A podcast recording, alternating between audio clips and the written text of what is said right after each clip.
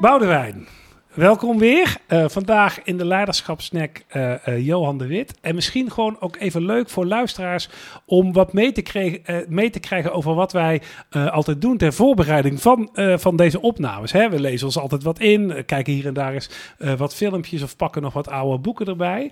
en dan gaan we natuurlijk ook even met z'n tweeën bedenken van joh, wat gaan we eigenlijk vertellen over deze man of vrouw? En nou ja, hoe, welke lessen kunnen we trekken? Welke lessen kunnen we trekken en hoe zorgen we dat wij niet, want die neiging hebben wij zeker als we de voorbespreking doen. Hoe zorgen we nou niet dat we een half uur aan het woord zijn, maar het echt steeds in die nou 7, 8, 9, 10 minuten uh, doen. Um, vandaag Johan de Wit. En de voorbespreking heeft denk ik een uur geduurd. en uh, het, uh, ja, wat daar wel mooi aan was, is dat wij uh, nou, die context van Johan vrij snel samen konden schetsen. Maar best wel discussie hadden over van joh, wat, nou, A, wat kunnen we nou leren van deze beste man? En is dat wat te leren valt? Nou ja, hoe, hoe zou je dat in historisch perspectief moeten duiden? Dus ik, nou, laten we een deeltje daarvan ook gewoon straks uh, meenemen. Um, heel kort. En jij gaat mij aanvullen, want jij weet uh, uh, veel over deze periode. Maar even Johan de Wit, 19, of in 1653 werd hij raadspensionaris van Holland. Uh, uh, toen natuurlijk al van uh, in de Republiek gewoon een belangrijk deel van het land. Is dat lang geweest, tot 1672, waarop hij op gruwelijke wijze is vermoord door de Orangisten.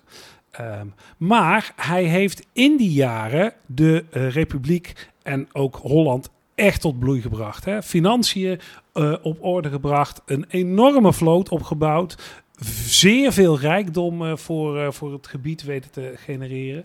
Um, deed dat vanuit een overtuiging. Uh, de ware vrijheid noemde hij dat zelf, waarbij de regenten ook echt experts waren om de juiste besluiten te nemen. En nou, hij zorgde ervoor dat dat ook steeds gebeurde. en hij dacht, dat dacht hij echt, als ik maar zorg dat het goed gaat met het land, als ik zorg dat we wel, welvarend blijven, dan is de bevolking wel tevreden. Maar niets was minder waar. ja. En daar kun je vast nog wel wat mooie inkleuring op, op toevoegen. Ja, zeker. Ja, eh, je zegt het al heel erg mooi. Uh, nou, Johan de Wit. nee, jo maar ik probeer het kort te houden. Maar ik vind, jij kunt dat wel mooi inkleuren. Dus dat, doe dat ook vooral even. Nou, het is wel fascinerend. Hè? Ik bedoel, als je gewoon kijkt van um, uh, op basis waarvan is nou eigenlijk uh, het nationale bestuur gelegitimeerd. Ja. Uh, dan ging Johan de Wit ging er heel erg vanuit, als ik goede resultaten behaal, is dat voldoende. Ja. Uh, en op andere zaken lette hij eigenlijk niet. En daar komt dat hele gedachtegoed van de ware vrijheid ook uh, vandaan. Mm -hmm. Hij vond mm -hmm. dat de beste resultaten voor het land bereid konden worden door de regenten. Die waren ervoor opgeleid, die hadden de meeste kennis door ervaring meegekregen. Uh, en als die beslissingen namen, dan zouden de beste resultaten geboekt worden. Dus dat was zijn, zijn hele denken was daardoor doordezemd. En daardoor was hij ook blind voor um, sommige zaken. Die speelde in het begin van zijn periode nog helemaal niet. Uh, maar gedurende dus zijn uh, termijn, uh, dat hij raadpensionaris werd, kwam dat meer aan de oppervlakte. En zeker in het jaar 1672. 1672 mm. kennen wij in Nederland denk ik allemaal als het rampjaar. Juist.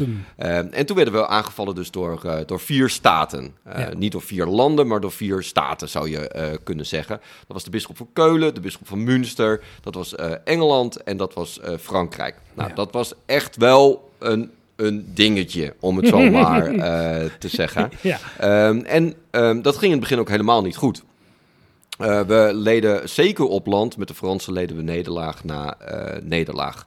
Uh, en al heel snel zag je dat, ehm, het, dat er een sentiment ging ontstaan dat Johan de, de, Wit hier eigenlijk de schuldige van was. En was er een hele sterke roep ook gekomen om de stadhouder uh, weer terug te laten komen. We hadden natuurlijk een, een stadhouder gehad ja. tot, uh, tot 1649.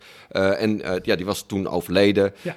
en um, degene die hem zou opvolgen, want het kwam allemaal uit het Huis van Oranje, dat was Willem III. Of de latere Willem III. Die was toen nog te jong eigenlijk om, om te komen. Mm -hmm. Maar in 1672 was Willem III gewoon al een volwassen Oud man. Genoeg. Ja, precies. en er gingen echt geluiden op in, in Holland, maar ook in andere gewesten. Die stadhouder Willem III, die moet nu terugkomen. Die moet ons land gaan uh, redden. Maar uh, Johan de Wit zat nog steeds heel erg in dat gedachtegoed van de ware vrijheid. Namelijk, nee, laat dit nou over aan de regenten. Of laat dit nou over aan de experts. Die weten nou precies wat ze moeten doen om deze grote crisis te kunnen uh, bezweren. En daarin lag ook eigenlijk zijn, zijn uitdaging. Namelijk om ervoor te zorgen dat de, dat principe van de ware vrijheid overeind bleef. En dat hij daarbinnen uh, degene was die de leiding uh, bleef, uh, bleef houden. Want dat zou het recept zijn om het snelste uit deze crisis te komen. Ja. Nou, dat is niet gelukt. Nee. Want op 20 augustus 1672 werden Cornelis, zijn broer, en hij in uh, Den Haag, uh, toen ze de gevangenpoort verlieten, werden ze aangevallen door een menigte, werden verscheurd, gruwelijke wijze tentoongesteld. Nou ja, goed, we kennen misschien wel Precies. allemaal de beelden. En als ja. je zijn grote teen, geloof ik, nog wil zien, dan kan dat in het Haagse historisch. Oh, serieus? Ja, zeker. Wist ja, ik niet ja. eens. Nee, nee maar de gebroeders De Wit en de moord erop, dat is een uh, bekende term.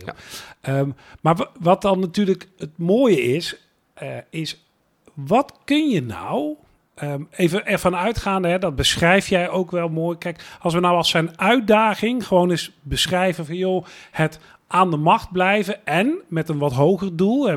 Want anders wordt het wel heel kaal. Ik wil zelf aan de macht blijven. Maar ook eigenlijk um, ja, de welvarende periode van de Republiek en van Holland gewoon laten voortduren. Hè? Ja. Dat is denk ik hetgeen waar hij zichzelf voorgesteld zag. Ja. Ik denk dat hij zelf zo zijn uitdaging en, zag. En daarvoor heb je geen stadhouder nodig. Dat was zijn uitgangspunt, hè? Precies. Dus, dat, dus, uh... dus ik, ik kan dit zelf met mijn ware vrijheid en mijn ja. regenten, met mijn experts.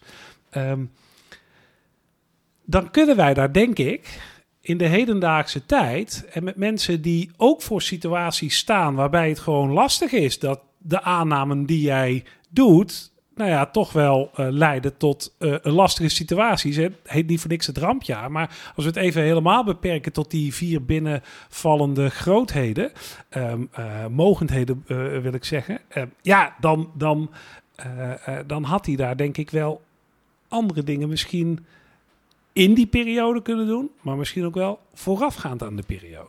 Ja, ik denk dat als je, als je het analyseert, dan, dan gebeuren er eigenlijk twee dingen. Hij, werd, um, hij was te zeer verblind door dat uitgangspunt van de ware vrijheid. Namelijk ja. van, uh, als je het maar overlaat aan de, noem het maar even, experts... Uh, dan behaal je de beste resultaten. En ik denk dat, in, dat dat in de weg ging zitten van zijn observatievermogen, van wat er eigenlijk voor andere sentimenten ook mogelijk uh, zijn. En het tweede was, was dat hij allemaal mensen om zich heen had verzameld, ja. die allemaal zeiden van ja, dit is inderdaad de juiste koers, dit is inderdaad de goede weg die we moeten gaan. En de andere facties, de orangistische factie, die, uh, daarvan had hij ervoor gezorgd dat die eigenlijk niet meer in de juiste machtspositie terechtkwamen. Die waren allemaal uit hun ambten eigenlijk uh, verwijderd. Maar die waren er nog wel. En hij werd daar ook niet meer voor gewaarschuwd van de ware kracht die daarvan uitging en wat zij wel of niet allemaal uh, zouden kunnen doen. Dus hij, hij, hij werd, ja, er was een soort groepsdenken was er ontstaan ja. anno uh, 1672. waar hij niet uit kon komen. Dus hij had, nou even in moderne termen, zijn eigen tegenmacht niet georganiseerd. Nou ja, en had, eigenlijk had dat uh, uh, tot uh, 72 in die zin ook nou, niet nodig had, zou ik niet zeggen. Want het bleek dat hij dat wel nodig had. Maar vanuit zijn perspectief, hè, het, het ging natuurlijk gewoon ah, goed, goed met het land. Ja. En mensen waren tevreden. We waren een, een welvarend en nou ja, machtig, maar in ieder geval een welvarend land. Um, dus ja, natuurlijk, nu kijkend zeggen we van joh, dit is eh, groupthink. Eh, jij noemde dat mooi al anno eh, 1672. Maar um, uh, weten we inmiddels wel van, ja, dat werkt niet. En aan de andere kant denk ik dat we allemaal wel eens verblind worden eigenlijk door het succes wat je boekt met je aanpak. Ja. Um, ik bedoel, dat kennen we allemaal wel. Ja, maar wat ik dus wel fascinerend vind, en dat ging in ons voorgesprek, hebben we het daar natuurlijk enorm over gehad. Stel je nou voor dat hij daar meer open voor had uh, ja. gestaan. Ja. Was zijn uitdaging om, uh, om, om de Republiek of Nederland um, sneller uit die crisis waar ze op dat moment in zaten, dat ze aangevallen werden door vier landen, waren ze daar sneller uitgekomen. En had hij zijn positie ook weten vast uh, te ja. houden. En wij hadden dus een hele discussie erover dat Zeker. ik dacht, ja, dat, dat had hij gekund. Want ja, hou je vijanden bij je. Toch een beetje dat machiavellistische uh, uitgangspunt. En op het moment dat de crisis voorbij is, dan zorg je ervoor dat ze er weer uitgaan. Jij zei, helemaal niet onterecht natuurlijk, uh, veel meer van ja, maar wacht eventjes. De uitdaging was erin dat de ware vrijheid ook zeg maar overeind uh, bleef. En met de komst van een stadhouder, dus ja. hou trek hem dichterbij je, was dat al niet meer gelukt. Dus die uitdaging was sowieso, was hij eigenlijk mislukt. Ja, ja, ik, Ik, ik, blijf het moeilijk vinden. Want je ja, weet, ja, nee, maar natuurlijk. hè, het is gewoon heel erg lastig om als dan geschiedenis te gaan zitten bedrijven. We kunnen wel een hele leuke podcast over maken. Zeker.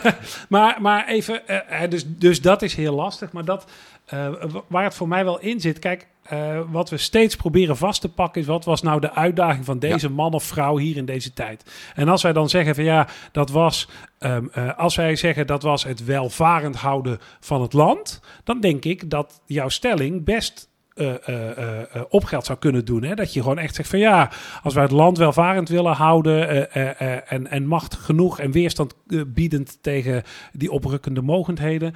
Um, nou, dan had zo'n stadhouder misschien wel kunnen werken. Als de uitdaging was: nee, ik wil zelf gewoon wel aan de laatste knoppen blijven draaien. En ik wil dat wel doen vanuit mijn principiële overtuiging dat de ware vrijheid en het besturen door de regenten met hem als eindverantwoordelijke.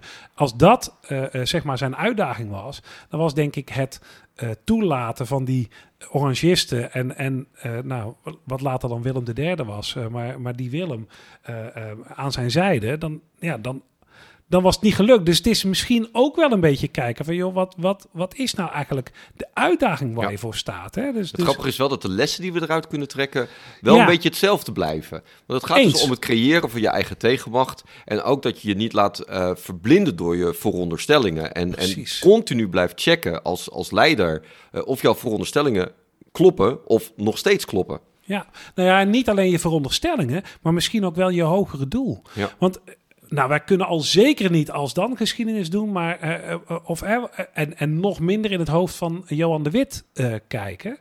Um, maar het zou zomaar eens kunnen dat hij zijn eigen positie misschien in, in deze lastige afweging wel ondergeschikt had gemaakt aan het belang van het land, hè? Ja, het belang zeker. van de republiek. Ja. Dus, um, maar dat blijft mooi, hè? creëer inderdaad je eigen tegenmacht. Uh, blijf je eigen aannames checken en daar voeg ik dan toch aan toe. Maar blijf ook je eigen overtuigingen die er aan ten grondslag liggen. Gewoon zo af en toe eens goed onderzoeken. Ja. Um, nou ja, en dat is, uh, ja, daar hebben wij bijna een uur over gedaan. dat nemen wij nu in, uh, in tien minuutjes op. Maar het, ja, het is, het is denk ik lastig om te doen. Hè? Met name die, nou ja, je, je eigen um, nou ja, grote, misschien principiële overtuigingen tegen het licht houden. Dat, dat doe je natuurlijk niet eventjes op een zaterdag namiddag uh, tussen uh, het eten en de afwas, zeg maar. Hè? Daar nee. heb je soms misschien wel wat meer tijd voor nodig. En toch wel super waardevol. Het zal met de meeste van ons niet zo aflopen dat we uh, gelincht worden door... Uh, Laten we het hopen. door de buren. Um, uh, maar, maar, zeker als je een leider bent in een organisatie, dan zie je dus wel dat het ook mis kan gaan uh, als je dit niet goed op orde hebt. Dus volgens mij wel ongelooflijk waardevolle les, want hij heeft er met zijn leven betaald dat hij de les niet genomen heeft. Dus mooi, mooi weer om het zo over te hebben. Dankjewel.